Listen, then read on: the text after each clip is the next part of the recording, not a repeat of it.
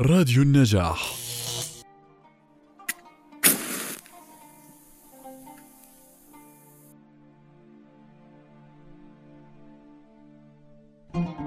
مرحبا عزيزي المستمع. أنا طيب العمد. تسمعني عبر بودكاست مشكاة من راديو النجاح. أحمل مشكاتي وأجول بالحياة لننير سويا فكرة ونص. تمت هذه الحلقة بعد أن سمعت وقرأت وشاهدت فكتبت. عنوان الحلقة بائع البامبو.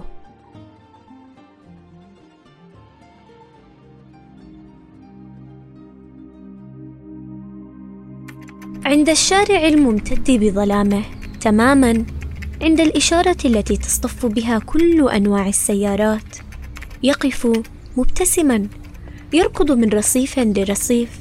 عيناه تجول في الأنحاء. خشية أن يؤشر له أحدهم ولا ينتبه له. من بعيد أراقب المشهد التراجيدي. قد يبدو لك سعيدا بما يفعل. يحمل باقات الورد الملونة بكفه. وساق البامبو معلق على كتفه. وكأنه يعلق أحلامه سعادته رزقه بيته أطفاله.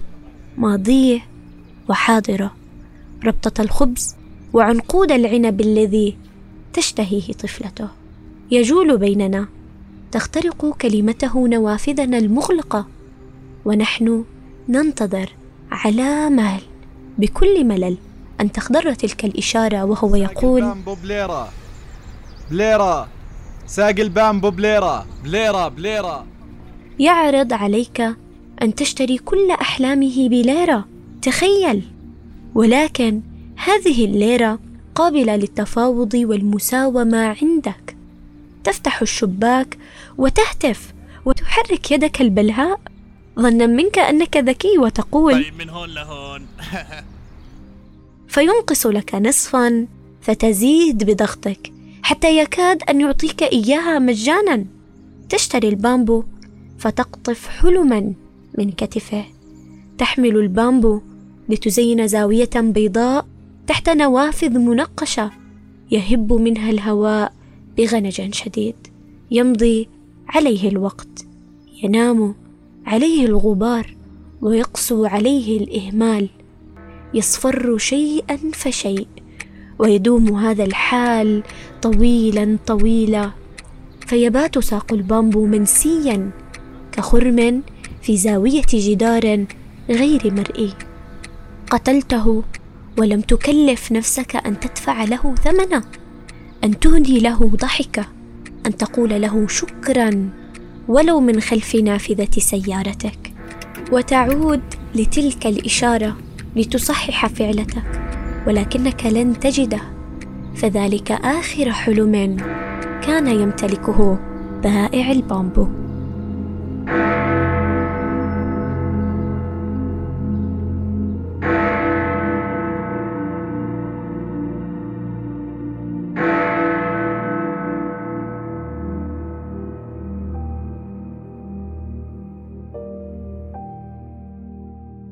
شكرا. كم من شكرا كانت دواء وكم من شكرا كانت لحاف وكم من شكرا كانت تشبه رحابة السماء بعد ضيق الأرض. السرير الذي تنام عليه يستحق الشكر. البيت الذي يحميك بعد يومك الطويل يستحق الشكر. عينك عقلك وكل الأشخاص من حولك يستحقون الشكر. كم مرة عدت خائبا تحمل أحلامك المحطمة فتتسارع أصابعك تلعن الحياة من شاشتك الصغيرة. تلعن الخيبة وتجحد ما قدمته لك الأيام من دروس. فيشعر الأشخاص أنك ضحية وأنت بالواقع لست ضحية لخيبة. تعلمت منها وستصبح قويا بعدها لا محالة. لماذا لا تكتب عن خيبتك بامتنان؟ حينما تعود لبيتك بعد دوامك الجامعي أو من العمل ربما. تجلس على الطاولة. تأكل ما لذ وطاب وتنهض تاركا المكان مليئا بكل شيء ما عدا امتنانك. الوقت الذي تقضيه ماما خلف الغاز يستحق الشكر أيضا. ذلك البائع الذي يقدم لك وجبتك السريعة مع ابتسامة. لا تعلم كم كلفه الأمر ليرسمها على وجهه. يستحق الشكر أيضا. شخصيتك الضعيفة التي كنت عليها قبل عامين تستحق الشكر أيضا لأنك اليوم تستطيع أن تنظر لنفسك في المرآة. لذلك تقول أحد الدراسات الأمريكية أن الأشخاص الممتنون هم أغنى الناس فكل شيء تشعر بالشكر تجاهه يزداد ويتكاثر من حولك. فالغنى لا يعني المال الوفير والسيارات الفارهة والحقيبة الحديثة. تخيل أن تصبح غنيا فقط لأنك ممتن وشكور عزيزي كما تعلمت أن الواحد زائد واحد يساوي اثنين وأن الفعل يأتي بعده الفاعل. وأن لكل فعل ردة فعل. يجب أن تتعلم أيضا كيف تقول شكرا. نتعلمها لأنها ستجعلنا سعيدين زيادة. مرتاحين ومتفائلين قنوعين وممتلئين بالرضا. موضوع الامتنان والشكر لم يكن موضوع عابر بالنسبة للكثير من الكتاب والفلاسفة. قام العالم الأمريكي البروفيسور إيمونز بجامعة كاليفورنيا في دنفر ورئيس تحرير مجلة علم النفس الإيجابي بإصدار كتابه الشهير شكرا. كيف يمكن لممارسة الامتنان أن تجعلك أكثر سعادة؟ وكشف من خلاله أن الاعتراف بالجميل للآخرين يؤدي لسعادة الشخص ودعم مناعته وطاقته الذاتية. فالامتنان ليس وليد اللحظة وإنما متجذر منذ الأزل فحثت الأديان كلها عليه. ويختم إيمونز كتابه قائلا الامتنان والشكر يحررنا من التأسف والأسى على الماضي والقلق من المستقبل ومن خلال زراعة الامتنان داخلنا سوف تحررنا من الحسد على ما لم يكن لدينا. أو أننا لسنا كما أردنا. ومع الشكر والامتنان والرضا يأتي إدراك أن لدينا ما يكفي ويكفي ما نحن فيه. ما بين الثانية والتانية هنعمل إيه؟ وده جارح وده مجروح وده عايش على الماضي وأحوالنا دي بتحير ولو نرضى تحللنا بنزعل ليه؟ لا تقلق ارفع يديك للسماء وقل شكرا. الفرصة التي لم تحصل عليها هي ليست لك والرزق الذي بيد غيرك كتب الله لك الأفضل منه. فالقناعة والرضا والشكر كنز كبير لمن يؤمن به. أتفهم أنه يصعب عليك نطقها وقولها. قد تعني لك الكرامة وقد تعني لك الإحراج. شكرا قد تكون ثقيلة على لسانك خفيفة ورحبة على قلب غيرك. لنسترجع شريط الذكريات. كم مرة وقفت عاجزا عن التعبير؟ لهدية أتتك بلا مناسبة ولإطراء مفاجئ من أحد العابرين. قائلا اللون اللي لابسه ماخذ منك حتة. أو لخدمة قام بها زميلك لأجلك وغيرها وغيرها من المواقف التي تلعثمت بالأبجدية أمامها دون جدوى. فما النصائح لقول كلمة شكرا؟ إذ كنت لا تستطيع قولها لأنك لا تجد الكلمات المناسبة فيقول عالم النفس توماس للتعبير عما نشعر يجب أولا أن نفهم بماذا نشعر ونعترف به لأن التربية على الخوف والحياء من الضعف هي ستارة سوداء تخبئ الأسباب لعدم قدرتنا على الاعتراف بالشكر. عزيزي، لا تقل شكرا إن كنت لا تستطيع قولها، فافعلها.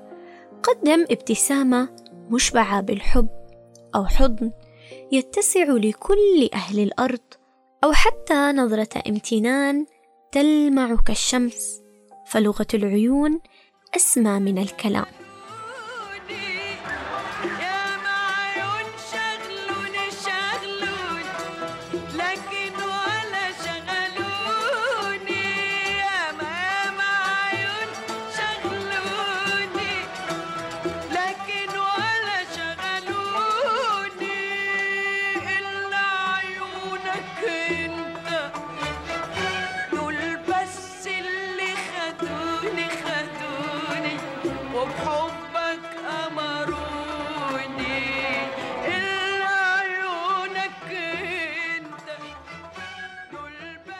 إذا كنت لا تستطيع لأنك تشعر بالإحراج فيقول لك المحلل النفسي جون روبن مثل تاريخنا الآخر هو من يحدد قدرنا وقيمتنا وأن ما يحدث هو أن فعل الآخر يزعزع لدينا النظرة التي كوناها عن أنفسنا. وإذا كان الذي قام به الآخر في إطار المناسبات الاجتماعية يعترف بها المجتمع والبيئة مثل هدية عيد ميلاد تبدو ذات طابع شرعي وهذا لا يزعزع شيء في نظرتنا لأنفسنا. لكن عندما نتلقى شيئا لم نكن نتوقعه أو أكبر مما توقعناه فإن هذا العطاء يأتي ليزعزع الصورة التي رسمناها لأنفسنا. ومن هنا نستطيع القول. أن تغييرك لنظرتك عن نفسك ستغير الكثير من أفكارك المغلوطة التي تتبناها وتجعلها تتمرد عليك. لذلك شارك شعورك للآخر حتى وإن كان شعور الإحراج. فيمكنك أن تقول شكرا بعدة طرق. تشكلار كامساهامنيدا دهانيفاد شيشي. مبادلتك ما تشعر مع الآخر يعني أنك تقدر مفهوم الأخذ والعطاء أكثر.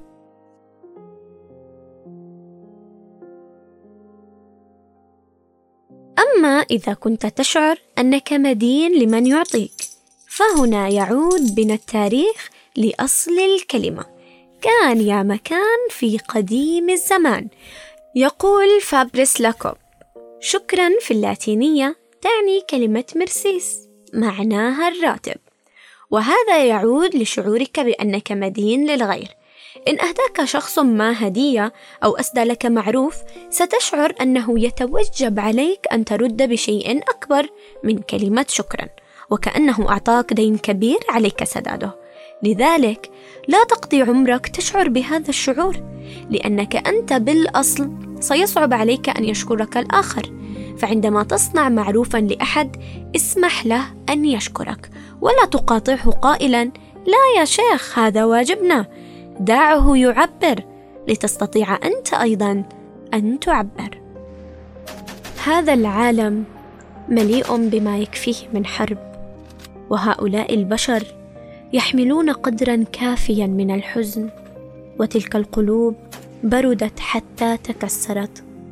قطار أحلامك سيصل بالنهاية. وخيباتك سترى ثمارها يوما ما. الماضي لا يشبه الحاضر والأمل يولد من ألم. وأنت تستطيع رغم كل هذا أن تقول شكرا.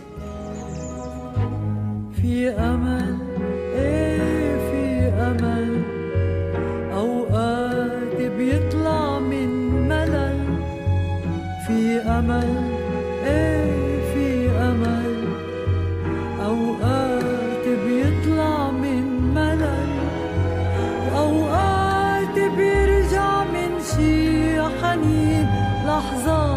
تيخفف زعل. وبيذكرني فيك لون شبابي بس ما بينسيني شكرا لطبيب سهر الليل. ولخباز يخبز مع بزوغ الشمس. ولفنان يبروز الطبيعة. ولشاعر ينظم الحب بقصيدة. ولصديق مالت بنا الحياة فبقي يسندنا. ولحبيب خذلنا ولغربه جعلتنا أنضج ولعلم جعلنا نصبر. لجبين أب استراحت عليه الشمس كفاية وبطن أم حملنا وسقف وطن يحمينا. شكرا للطاولة التي تجمعك بمن تحب والنافذة التي تتأمل منها السماء للطريق الذي حفظ خطواتنا الهالكة. والباص الذي عدنا فيه حاملين حقائب الرحيل. شكرا لبائع البامبو الذي مزقه الطريق وهمشته شبابيك سيارتك وكسرته مساومتك. عزيزي شكرا تعني الكثير صدقني. قلها ولا تخف قلها لكل شيء جميل أو بشع. حزين أو مفرح تدبر النعم من حولك. أشكر الله والناس والأشياء والمشاعر والمواقف قبل فوات الأوان. وأخيرا شكرا لك أنت. أنت الذي تعاني كم تعاني ولكنك ما زلت تصبر وتشكر.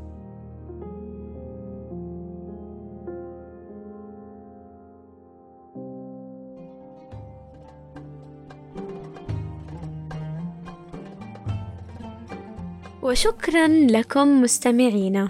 لبقائكم معنا في حلقتنا الأولى من بودكاست مشكا. كنت معكم أنا طيب العمد من الإعداد والتقديم ومن الهندسة الإذاعية أسامة صمادي. إلى اللقاء.